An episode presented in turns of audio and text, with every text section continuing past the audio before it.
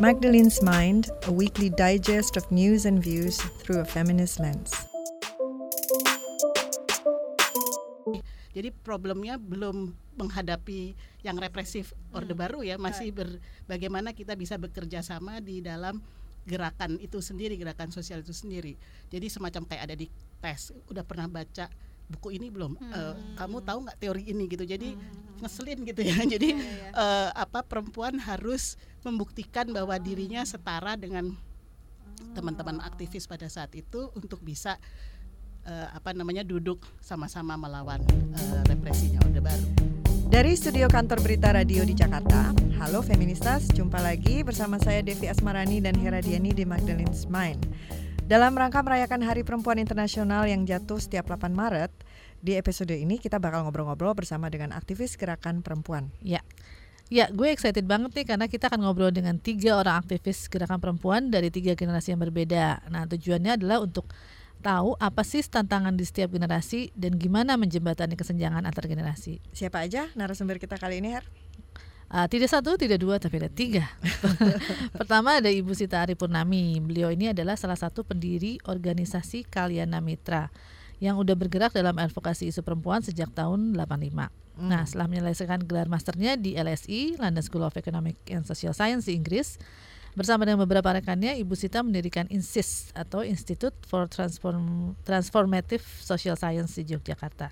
Setelah itu, Ibu Sita juga aktif dalam advokasi peristiwa kekerasan seksual yang dialami oleh perempuan-perempuan Tionghoa pada 98. Ah, ada sebuah trivia nih, Ibu Sita adalah putri dari sastrawan legendaris Umar Khayyam. Kamu tahu Wow. nggak Ilham Umar Khayyam? Oh baik, Tahu, syukurlah. Syukurlah.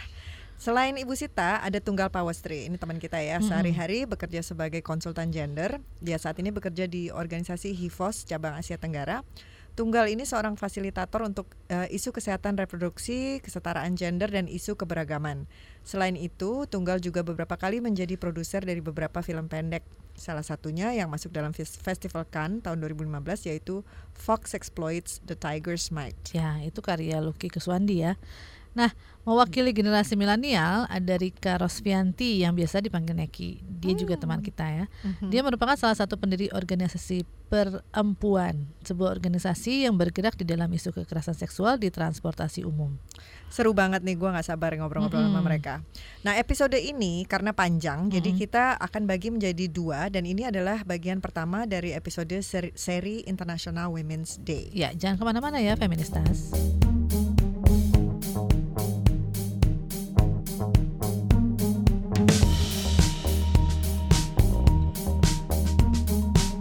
Halo feministas, balik lagi bersama kami di Magdalene. Saat ini sudah ada di studio Ibu Sita, ada Tunggal sama Neki. Halo semua. Hai. Terima kasih udah datang dan bergabung di Magdalene's Mind. Apa sih yang pertama kali memperkenalkan uh, Tunggal, Ibu Sita, dan Neki pada isu perempuan? Gimana sampai akhirnya tergerak untuk berkecimpung dalam advokasi isu perempuan ini? Sita dulu yang menjawab. Mbak Sita dulu. urut kacang ya. ya, em, waduh, kalau ini jadi pertama suka ini deg-degan sendiri. Jadi kalau yang mendorong kenapa sampai terjun ke isu perempuan karena mungkin agak ini ya, agak agak sedikit norak dikit dalam artian norak gini. Karena terpengaruh dulu bikin skripsinya tentang eh, aspirasi pembantu rumah tangga remaja perempuan di Jakarta. Dari situ eh, bersinggungan dengan loh kok ada persoalan-persoalan yang nggak pernah terpikirkan ya. Jadi kalau ngomong skripsi itu berarti mungkin di antara teman-teman di sini aduh itu zaman zaman jebot banget gitu ya. Jadi itu tahun 83 gitu. Nah, terus dari situ kemudian mencari tahu tentang apa sih sebenarnya persoalan perempuan sampai kemudian mempertemukan saya dengan beberapa orang yang pada saat itu masih sangat sedikit ada yang pertama di eh, perem- organisasi perempuan itu adalah Yasanti waktu itu ya tahun tahun 83 atau 84 mereka berdiri di Jogja yang bekerja untuk buruh perempuan. Jadi informasi tentang apa yang menjadi masalah-masalah yang dihadapi buruh perempuan pada saat itu membuat saya semakin ingin eh, ter- apa, eh, mengetahui lebih banyak dan melakukan sesuatu. Kemudian mendorong saya mengajak beberapa teman yang kemudian tahun 85 pada waktu itu berdirilah Kalyana Mitra tahun 85. Jadi uh, saya bilang norak karena kok ya tidak terlalu spontan gitu ya dari sebuah penelitian yang berkaitan dengan kehidupan akademik tapi kemudian dari situ belajar mengetahui persoalan-persoalan yang real di di masyarakatnya. Tunggal. Saya kalau saya mungkin terpengaruh dari gerakan mahasiswa tahun 98. Jadi uh, pada saat itu setelah kemudian kita dapat reformasi, saya kan bergabung dengan Partai Rakyat Demokratik.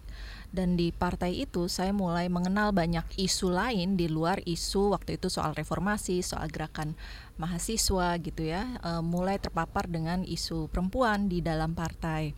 Nah, uh, tahun 2000 akhirnya uh, bersama dengan salah satu orang di dalam partai kami memutuskan nih kayaknya kita perlu bikin semacam sayap perempuan sendiri di dalam partai. Tapi waktu itu responnya tidak begitu apa baik. Maksudnya enggak begitu langsung hangat disambut. Ya kita nggak setuju ada sayap perempuan partai. Setujunya kalau ada divisi perempuan saja di dalam partai Nah, semenjak itu kami uh, saya dan teman saya waktu itu namanya Nur Aini uh, kami memutuskan untuk bikin organisasi sendiri, uh, bikin organisasi perempuan. Karena kami melihat bahwa ketika bicara soal kerja-kerja pengorganisiran di lapangan gitu ya, perempuan waktu itu digerakkan sering sekali um, tidak maju di depan gitu, tidak tampil di depan. Bahkan saya sempat mikir waktu itu ya, waktu aksi-aksi gerakan mahasiswa, kalau aksi-aksi itu perempuan selalu disuruh ke belakang, hmm. terus dapat tugas-tugas misalkan kronologis, jadi nggak iya. tugas-tugas utama. Sedikit sekali perempuan yang waktu itu waktu aksi itu dapat tugas-tugas utama dan kalaupun aksi akhirnya dengan gerombolan ibu-ibu gitu ya waktu itu kami melihatnya kan uh, yang waktu itu uh, aksi ibu. Yeah ya uh, yang uh, mungkin Mbak Sita juga ikut aksi itu 98 tuh ya. Enggak enggak waktu itu enggak. Oh enggak. Eh, nah, karena lagi hamil gede. Oh oke. Okay. nah, jadi uh, uh, saya dan apa rekan saya waktu itu berpikir ah kita harus bikin organisasi sendiri dan waktu itu kan memang masih sedikit organisasi perempuan. Jadi awal akhirnya tahun 2002 kami memutuskan untuk bikin organisasi sendiri namanya SKAR gitu.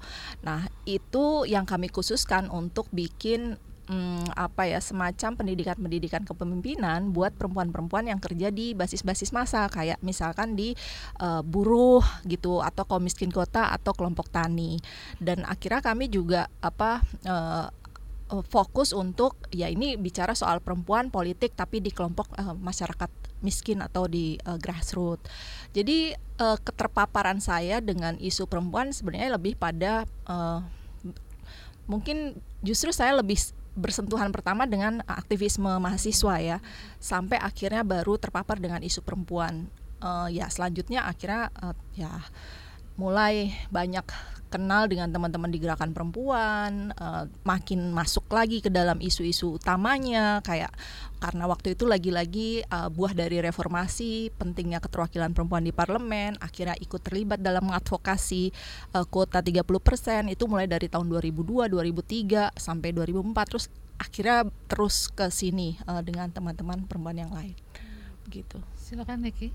Oke, okay, kalau aku dulu uh, tahun 98 masih belum ikutan apa-apa um, jadi waktu aku kalau aku uh, berefleksi dari pengalaman pribadi jadi aku pengguna angkut angkot hmm. dari zaman aku SMP jadi di saat itu saat aku SMP sampai dengan aku kuliah pengguna aktif transportasi umum dan sering kali mendapatkan pelecehan hmm. jadi saat itu uh, berefleksinya justru kayak kok uh, banyak banget ya pelecehan di angkutan umum dan saat cerita sama teman-teman sekolah sama teman-teman kampus juga banyak yang mengalami itu. Lalu uh, sampai satu saat uh, sama teman kosan waktu pas kuliah kami sama-sama cerita saat kami sama-sama cerita sama-sama nangis dan kami mikir gila buat perempuan yang berani ngelawan kayak kita aja ini susah loh untuk bahas ini dan nggak ada yang nanganin ini gimana ya? Apa yang bisa kita lakukan? Akhirnya di tahun 2011 membentuk komunitas namanya perempuan yang fokusnya pada isu uh, pelecehan seksual di transportasi publik. Saat itu yang bisa kami lakukan adalah mendokumentasikan segala jenis pelecehan seksual yang pernah kami alami, terus apa saja apa saja moda transportasi yang menjadi lokus pelecehan seksual, bentuk-bentuknya apa saja dan apa yang bisa dilakukan. Jadi saat itu uh, mendokumentasikan sebanyak mungkin, memberikan definisi apa itu pelecehan seksual supaya orang-orang tahu karena sering kali teman-teman kami yang mengalami itu baru sadar setelah selesai mengalami Akhirnya setelah itu kami membuat bukletnya uh, dan disebarluaskan awalnya lewat Twitter. Setelah Twitter udah nggak terlalu kepake, akhirnya kami lewat Instagram. Jadi sekarang lebih ke mendiseminasikan informasi soal bagaimana mencegah dan menangani pelecehan seksual. Jadi awalnya lebih ke bukan kayak mbak-mbak yang justru awalnya dari gerakan kita berefleksi justru dari pengalaman pribadi gitu. Um, nanti pengen balik lagi ke situ tapi sekarang aku pengen dengar dari Ibu Sita nih. Hmm. Tadi pengalamannya menarik juga apalagi ini di bawah uh, rezim Soeharto saat itu di mana lagi apa uh, gerakan uh, civil society itu benar-benar di diredam ya atau direpresi gitu ya. Nah, uh, itu sendiri bagaimana uh, apa namanya akhirnya dalam uh, apa namanya aktivisme Bu Sita dan gerakannya pada saat itu kalian kalian Mitra juga bagaimana um, menavigasi itu gitu.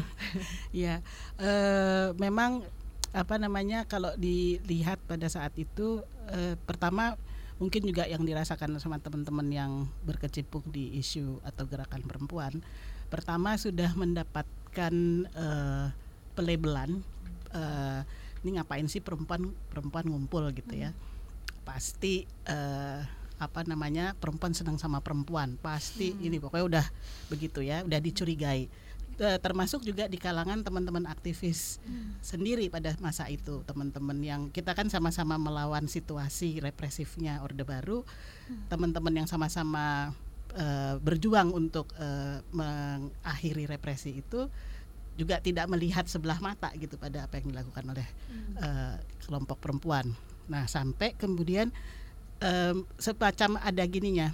Ah kalau kamu mengaku sebagai orang-orang yang bergerak di isu uh, ini masih jadi problemnya belum menghadapi yang represif orde hmm. baru ya masih ber, bagaimana kita bisa bekerja sama di dalam gerakan itu sendiri gerakan sosial itu sendiri. Jadi semacam kayak ada di tes udah pernah baca buku ini belum hmm. uh, kamu tahu nggak teori ini gitu jadi hmm. ngeselin gitu ya jadi yeah, yeah. Uh, apa perempuan harus membuktikan bahwa dirinya setara dengan teman-teman aktivis pada saat itu untuk bisa uh, apa namanya duduk sama-sama melawan uh, represinya orde baru hmm. salah satu misalnya ketika kemudian kalian Mitra melalui risetnya pada saat itu kita berpikir gimana ya kita pengen ngajak orang tapi belum apa-apa udah ditolak oh hmm. mungkin kita pilih isu.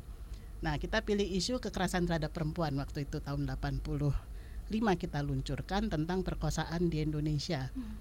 Itu berdasarkan data yang di apa namanya dilaporkan uh, ke kepolisian kita mendapatkan data bahwa tiap lima jam sekali terjadi perkosaan. Hmm. Nah, terus kita pikir, wah, semua orang pasti akan serta merta, wah, ini adalah soal yang apa namanya uh, uh, sangat jahat dan sangat apa uh, me, uh, melawan ke, kemanusiaan pasti semua orang akan setuju teman-teman kita yang bergerak di isu sosial juga akan setuju mm-hmm. jadi pada satu masa waktu itu adalah uh, disebut aja ya mm-hmm. YLBHI selalu membuat sebuah buku tahunan mm-hmm. tentang pelanggaran HAM jadi kalian Amitra menuliskanlah dari riset itu. Hmm. Lalu ketika kita memasukkan tulisan itu dibilang ini mah bukan isu pelanggaran HAM. Oh. Itu tahun 85 ya. Hmm. Dan orang-orang yang sangat sangat terkenal dan sangat uh, apa hmm. pejuang-pejuang hak asasi manusia itu sangat sangat tidak melihat itu sebagai isu hmm. pelanggaran HAM. Hmm. Jadi uh, saya bilang jadi gimana nih? Masa nggak ada organisasi perempuan yang menulis? Hmm. Ya asal kalian mau ganti kan kalian juga punya kerja misalnya tentang buruh perempuan. Hmm. Kita nulis lagi buruh perempuan tapi tentang kekerasan terhadap buruh perempuan gitu kan. Ditolak lagi sampai akhirnya ya udah coret aja semua. Jadi semua jadi akan sangat ironis YLBHI menerbitkan buku catatan pelanggaran HAM apa sih namanya dulu tuh ya pelanggaran HAM setiap tahun. -hmm. Tapi tidak ada cerita sama sekali tentang perempuan. Hmm. Nah, itu adalah uh, perjuangan di kalangan teman-teman apa namanya satu yang sebau mustinya gitu yeah. ya. Lalu kemudian ketika kita menghadapi si represinya ini, si represornya ini. Nah, waktu uh, itu uh, di Indonesia ada sebuah forum namanya Non Government Organization yang apa INGI International Non Government Organization yang mengkritisi program-program pembangunan dan juga atas hutang-hutang yang diberikan untuk pembiayaan program pembangunan tersebut. Nah sekali lagi waktu itu kami waktu itu juga bekerja sama dengan Wardah Kalyana Mitra membuat penelitian tentang pelaksanaan keluarga berencana di Indonesia. Yang kita bilang inilah salah satu bentuk represinya Orde Baru terhadap hak reproduksi perempuan. Hmm. Karena pada saat itu ada program KB itu dibilang safari KB perempuan hmm. dikejar untuk yeah. bisa jadi akseptor KB gitu ya. Nah, kita tunjukkan melalui penelitian kita. Di hari H kita mau berangkat karena itu kebetulan diselenggarakannya selalu di luar negeri gitu. Si apa panitianya bilang, "Ini kayaknya bukan isu isu tentang program pembangunan yang yang ini deh yang kita mau bicarakan. Apa hubungannya KB dengan program pembangunan? Hmm. Terus uh, kita kemudian bilang kalian nggak mau masuk ini dalam agenda untuk dibicarakan. Kita pull out. Padahal itu udah siap mau berangkat tuh di airport. Ya nanti kita bicarakan. Beri kita jaminan bahwa akan dibicarakan nggak ada yang bisa kasih jaminan jadi wakil Kalyana Mitra waktu itu tidak jadi berangkat. Hmm. Wah marah banget karena mereka harus mempertanggungjawabkan kepada lembaga dana kan hmm. berarti. Nah tapi di sana ternyata teman-teman internasional uh, sudah dapat uh, itu dulu kan modelnya pakai email ya uh, hmm. pakai email yang masih cengeng cengeng yeah. gitu ya hmm. yang itu dan pakai fax juga terus disebarkan. Hmm. Nah di situlah mulai kalian Mitra merasakan dan saya represifnya Orde Baru. Hmm. Jadi makalah itu uh, hasil tulisan kami dengan Wardah Hafiz itu di sampai ke tangannya Menteri IGGI-nya waktu itu. Hmm. Lalu dia bilang salah satu kriteria bahwa bantuan bukan bantuan lah ya hutang diberikan adalah kalau tidak ada lagi pelanggaran terhadap perempuan. Lalu yang tiba-tiba naik daun saya dan kalian Mitra dicari semua semua anasir-anasir Orde Baru itu dan mengatakan bahwa kita menjelek-jelekan hmm. Indonesia. Nah, karena menjelek-jelekan Indonesia terus kemudian jadi harus ketemu dengan yang penguasa yang sangat berkuasa. Hmm. Tapi terus ya begitulah. Jadi uh, kita bi bisa gitu tiba-tiba ditelepon harus datang dan itu diinterogasi sampai dini hari yang hanya karena mereka nggak suka karena kita menyatakan kebenaran tentang hmm. pelaksanaan KB yang represif hmm. terhadap uh, isu perempuan. Nah, tapi kami di situ belajar. Dan uh, pada saat itu mungkin uh, yang angry women ya bukan yang angry men ya, yang angry women malah melihat situasi tapi selalu kepentok karena kita sangat sangat apa tuh body and soul gitu menuliskan cerita-ceritanya kan berdasarkan ilustrasi-ilustrasi kasus. Ini jangan-jangan hanya kasuistik, ya, oh, mereka selalu okay. bilang begitu. Yeah. Lalu dari situ yang tadinya saya agak alergi, iya ya, saya kok tahu tentang isu perempuan dari buku, dari teori, baru belakangan melihat kenyataan di lapangannya. Eh, berarti kita perlu mengenerate data. Hmm makanya kemudian uh, dalam kehidupan selanjutnya uh, saya dengan beberapa teman juga membentuk yang namanya Women Research Institute hmm. karena kita juga pikir data-data ini perlu dan itu yang uh, sering kali yang suka dijadikan alasan bahwa apa yang dikemukakan oleh teman-teman sekalipun itu temuan valid kalau tidak berdasarkan data maka eh, maksudnya data kuantitatif hmm. maka itu tidak dianggap sebagai masalah. Hmm. Nah, jadi kita belajar menegosiasi hanya karena pada saat itu kita begitu di apa namanya ya, diinterogasi uh, dan kita selalu harus mencoba lebih berpikir jernih. Kamu menjelek-jelekan Indonesia kan? Enggak. Kenapa kamu bisa bilang enggak? Kan ini jelek. Ya kalau jelek dikatakan jelek kan bukan menjelek-jelekan. Itu artinya jelek betulan. jadi uh, jadi apa namanya mencoba tenang menghadapi situasi itu uh, dan sering kali juga ada dalam tanda petik untungnya alah mereka kan ada sekelompok perempuan udahlah nggak usah lagi oh, di ini gitu. dianggap begitu. Jadi nggak dianggap beneran ya. mempersoalkan gitu. Mm -hmm. di sisi lain itu oke okay, tapi di sisi lain kurang asem nih kita nggak nggak dianggap gitu. Jadi uh, caranya adalah dengan dengan kita hadapi dan kita tunjukkan fakta-faktanya. Hmm. Oh, aku mau iniin dulu ya. Mungkin untuk pendengar uh, kita milenial banyak yang nggak tahu karena udah nggak ada lagi itu IGGI itu adalah Intergovernmental Group on Indonesia. Uh, uh. Itu adalah kelompok antar pemerintah bagi Indonesia yang mengkoordinasikan dana bantuan multilateral untuk Indonesia saat itu. Sekarang udah nggak ada lagi. Iya, udah nggak ada lagi. Uh, aku okay. pengen tanya sih tadi kan dari event GLBHI aja belum aware sama isu-isu perempuan.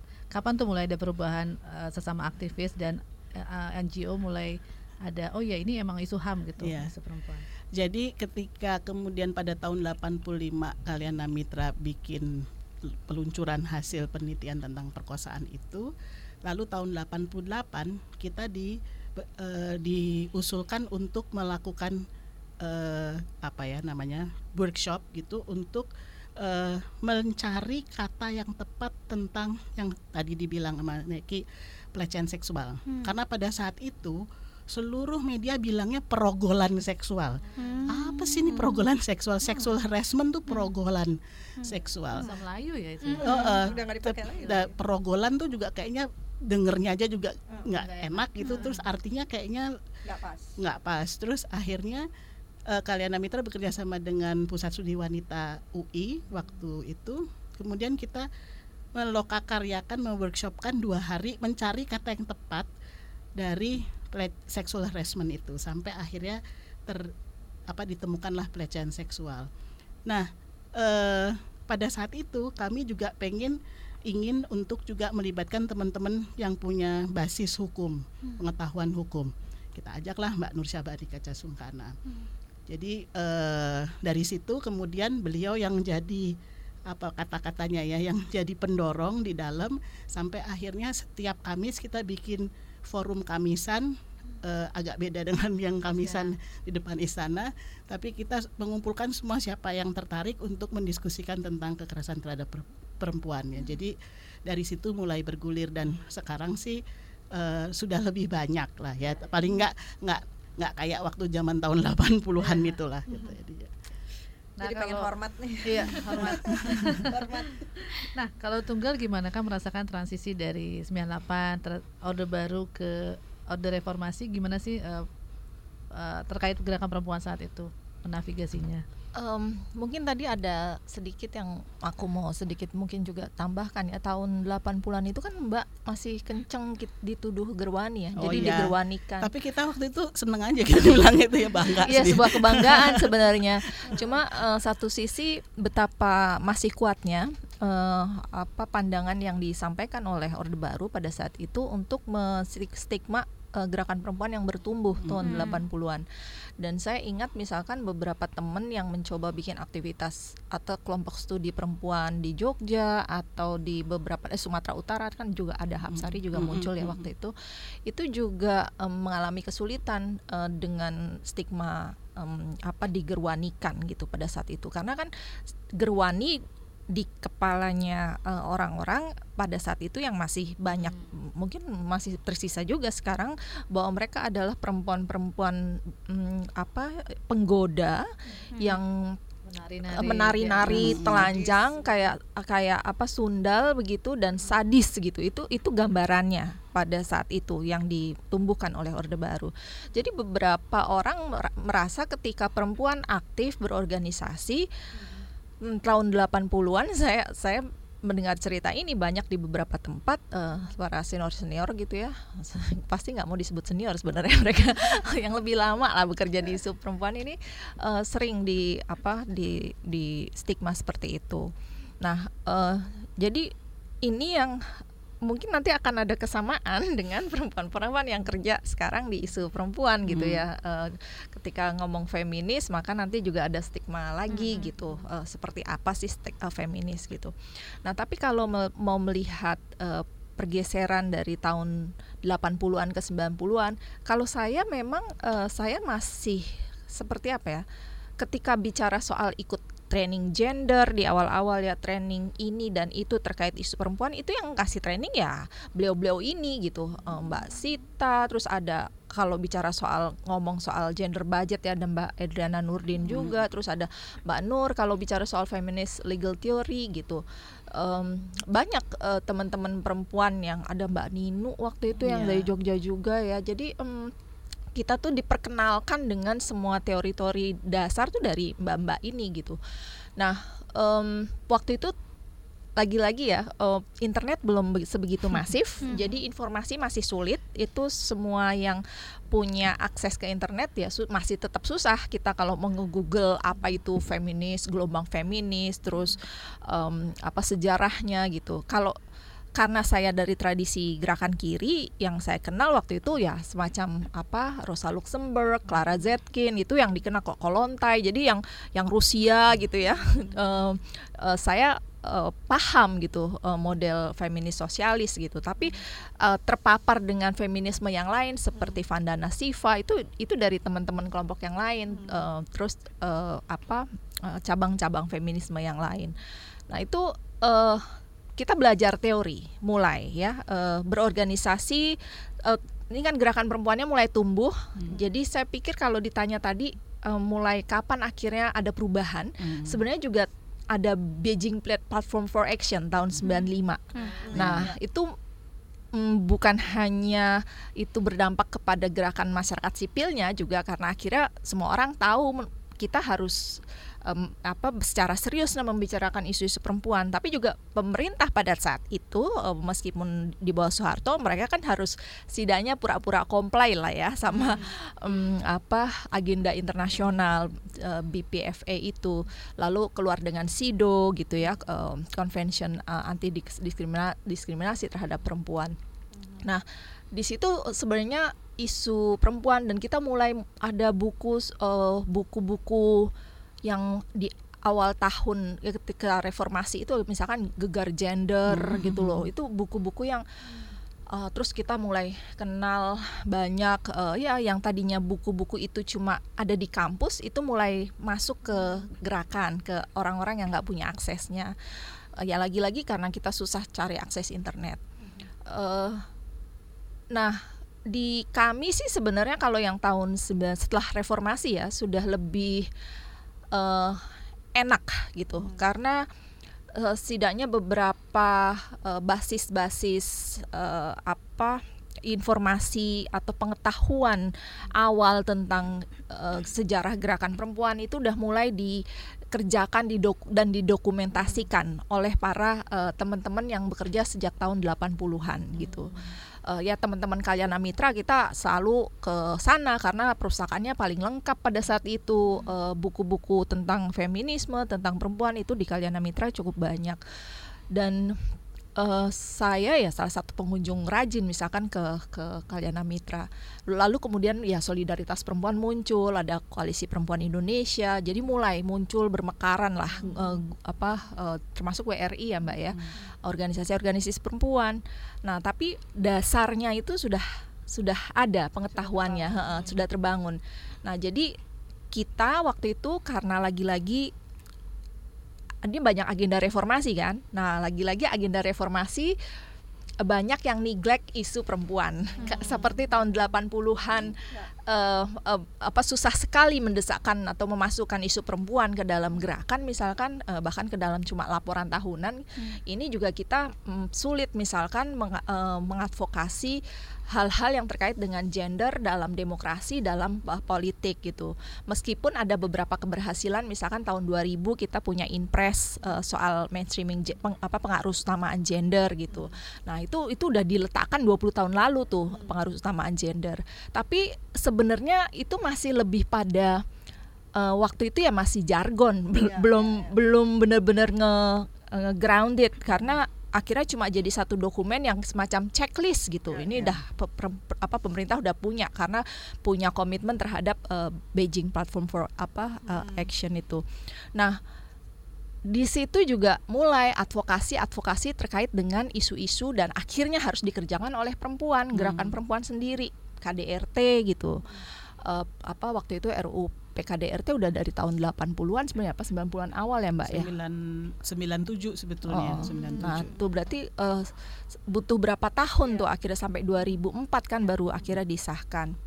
lalu juga kita uh, baru ya di situ ada keterwakilan perempuan yang kuota hmm, capaian-capaiannya tuh sampai sekarang sebenarnya ya uh, boleh dibilang ada tapi nggak boleh kita masih banyak Jauh. uh, masih jauh gitu tapi ya lagi-lagi agak sulit walaupun sekarang ini kalau bicara soal isu perempuan atau gerakan perempuan uh, kalau bicara ke teman-teman gerakan itu udah nggak sesuatu yang anti tabu mereka sadar harus memasukkannya ke dalam report gitu. Tapi tetap saja untuk isu-isu yang terkait dengan isu yang dianggap kekasannya perempuan memang harus perempuan sendiri akhirnya yang mengerjakan. Aku mau ngutip yang tunggal bilang tadi capaiannya tuh ada tapi kayaknya masih jauh banget sebenarnya kita dan dan tadi uh, Bu Sita ngomongin soal pada saat itu perjuangannya adalah kekerasan uh, terhadap perempuan termasuk uh, pelecehan seksual. Nah ini yang sekarang Neki lakukan masih berkutat di situ juga. Iya. Jadi uh, aku pengen tahu dari Neki sendiri uh, gimana kamu melihat saat ini kondisinya. Kan sebenarnya ada kebebasan itu ya kebebasan Iya. berpolitik berorganisasi dan segala macam bukan lagi tantangan yang dihadapi uh, apa generasi Bu Sita. Tapi uh, pada saat yang sama juga apakah kita se- selalu seperti ini maju selangkah mundur dua langkah atau bagaimana gitu? nyambung tadi yang dijelaskan oleh Mbak Tunggal betul bahwa sudah mulai ada kesadaran soal term gender itu sendiri gitu. Em, kalau sekarang pertentangannya atau battle-nya buat kami adalah dianggap bahwa perjuangan kesetaraan gender itu nggak perlu karena sudah setara gitu. Jadi eh, tadi kan or- kalau orang ngebandingin, ya dulu tuh sebelum masa reformasi tuh nggak ada em, presiden perempuan, Eh, apa em, kalaupun ada menteri juga namanya masih pemberdayaan wanita gitu. Sekarang eh, kamu-kamu tuh udah bisa jadi presiden, ada menteri susi, ada menteri em, Sri Mulyani sehingga di- dianggap bahwa sekarang itu udah lebih bagus buat perempuan sehingga nggak perlu perjuangan untuk perempuan gitu. Walaupun sebenarnya eh, kita berusaha untuk bilang bahwa iya ada perempuan tapi sering kali jadi token. Misalnya buat affirmative action pun buat yang anggota parlemen perempuan bisa jadi eh, tidak dilibatkan dalam pengambilan keputusan tapi lebih ke untuk ngurusin konsumsi kan itu juga masih banyak didengarkan. Lalu eh, tadi seperti yang Mbak Tunggal bilang juga saat-saat eh, pasca reformasi itu mulai ada isu eh, pengaruh utamaan gender, terus ada sido. eh, jadi anak-anak muda di saat itu tumbuh dengan konsep-konsep oh ada yang namanya kesetaraan gender, oh ada yang namanya eh, peran publik, peran domestik. Jadi mulai ada mulai kenal dengan hal-hal seperti itu. Dan saat itu karena internet sudah mulai berkembang sehingga anak-anak remaja saat itu dan anak muda belajar dari internet. Kalau tadi kan em, zaman sebelum itu belajarnya dari buku langsung dari sumbernya. Kalau sekarang karena dari internet semua orang bisa menjadi feminis jenis apa pun gitu. Jadi bisa bilang, "Ih, gue itu feminis, lo itu kurang feminis karena nggak baca ina inu ina inu gitu." Atau karena nggak ikut conference ina inu ina inu gitu. Lebih banyak akses yang harusnya membuat semua orang menjadi lebih setara, tapi justru membuat ada mm, dikotomi lain gitu. Lalu hal lain lagi sekarang em, berkembangnya internet membuat perdebatan yang tadinya terjadi offline pindah ke online. Bagaimana misalnya perempuan-perempuan kalau berpendapat menyampaikan pendapatnya di Twitter atau di Instagram diserang dan saat diserang yang diserang itu bukan argumennya tapi identitasnya, identitasnya, seksualitasnya sehingga apa pun yang disampaikan menjadi nggak valid gitu. Jadi kita berjuang baik offline juga dianggap remeh, online dianggap remeh dan sering kali serangan-serangan online yang mungkin menurut orang-orang yang belum berke- yang tidak ada dalam perkembangan masa internet merasa kayak ya itu kan cuma diserang secara online gitu. Tapi serangan online itu mengeri em, em, mengerikan dengan cara yang berbeda. Katakanlah kalau serangan offline kita bisa tahu nih orangnya ada secara fisik, kita tahu bahwa kita terancam. Kalau serangan online kita bisa didoxing sampai ke data-data uh, keluarga kita sehingga kitanya memang hidup dan tidak terancam secara fisik tapi secara internal itu pelan-pelan mati gitu. Jadi serangannya berbeda dan uh, butuh resil resiliensi yang berbeda. Mungkin kalau zaman um, dulu um, kalian mitra misalnya diinterogasinya langsung nih secara fisik sama orang orde barunya hadir. Kalau sekarang netizen itu mulutnya luar biasa jahat yang mungkin kayak ya itu kan cuma netizen aja tapi kalau netizen menjadi satu itu menjadi tekanan mental yang pelan-pelan mematikan secara internal gitu Dan orang lupa kita nih hidupnya kebanyakan sekarang di dunia virtual ya, Betul. bukan lagi di dunia fisik lagi. ya. betul dan orang menjadi makin berani karena mereka anonim gitu kalau secara fisik kan orang jadi takut dikenali ya lalu sekarang eh, bergerak dengan eh, makin bergerak ke sini ke em, pergerakan yang mulai menjadi satu lewat reformasi di korupsi misalnya kita pikir itu sudah jadi satu nih oke semua jenis gerakan menjadi satu bergerak bersama punya musuh bersama solid dalam sulit gitu. Ternyata tidak semudah itu. Bahkan bah saat kita orasi pun misalnya saat yang orasi laki-laki dengan yang orasi perempuan beda banget. Yang saat eh, teman-teman perempuan orasi nggak didengerin. Atau malah dikasih catcall kita kita yang saat eh, demo reformasi di korupsi yang perempuan dianggap udah lu belakang aja nggak usah ke depan. Atau lu pulang duluan gitu. Jadi seolah-olah kita yang ada di situ nggak ada eksistensinya. Hal lain lagi adalah di, eh, kami pikir bahwa setelah ada reformasi di korupsi semua gerakan menjadi satu semua isu dianggap penting ternyata isu perempuan masih belum dianggap penting juga. Kita menjadi harus memperjuangkan itu. Misalnya saat kemarin ada kasus eh, pelecehan seksual yang terjadi dilakukan oleh aktivis anti korupsi kita bingung loh kita memperjuangkan korupsi bersama-sama. Kenapa saat ada kasus ini kita berjuang sendiri gitu. Teman-teman yang anti korupsi tuh kayak nggak bisa ini eh, nggak usah disebarluaskan gitu. loh kok kita memperjuangkan isu kalian kok? Kenapa kalian nggak memperjuangkan isu ini gitu? Sehingga ada uh, battleground battlegroundnya kami pikir sekarang menjadi berjuang bersama-sama tapi ternyata tetap ada hal-hal yang akhirnya kita perjuangkan sendiri. Gitu Em, oh dan satu lagi em, sekarang dengan eh, beberapa tahun ini karena isu beberapa RUU itu dibawa ke agama sehingga gerakan perempuan itu selalu dianggap menentang agama yang membuat dukungan masyarakat sipil pun menjadi mikir-mikir. Katakanlah eh, gerakan reformasi di korupsi banyak banget orang yang oh beli kaosnya pakai kaosnya retweet reposting. Tapi saat isu pelecehan seksual orang menahan diri ntar dulu gue setuju isu anti korupsi tapi gue nggak setuju isu pelecehan seksual. Karena itu menjadi lebih personal sehingga kita merasa kayak loh kok saat kita berjuang bersama-sama em, saat isunya umum orang orang eh, setuju sama kita tapi saat isunya mulai ke identitas seksualitas perempuan kita jadi berjuang kembali lagi sendiri gitu Jadi masih sama Macam sebetulnya. Iya. yang beda cuma cuma lokusnya aja iya. tadinya offline jadi online Oke, sampai sini dulu episode kali ini ya. Eh, dengarkan bagian keduanya nanti eh, minggu ini juga. Banyak terima kasih untuk kantor berita radio yang sudah meminjamkan studionya untuk kita.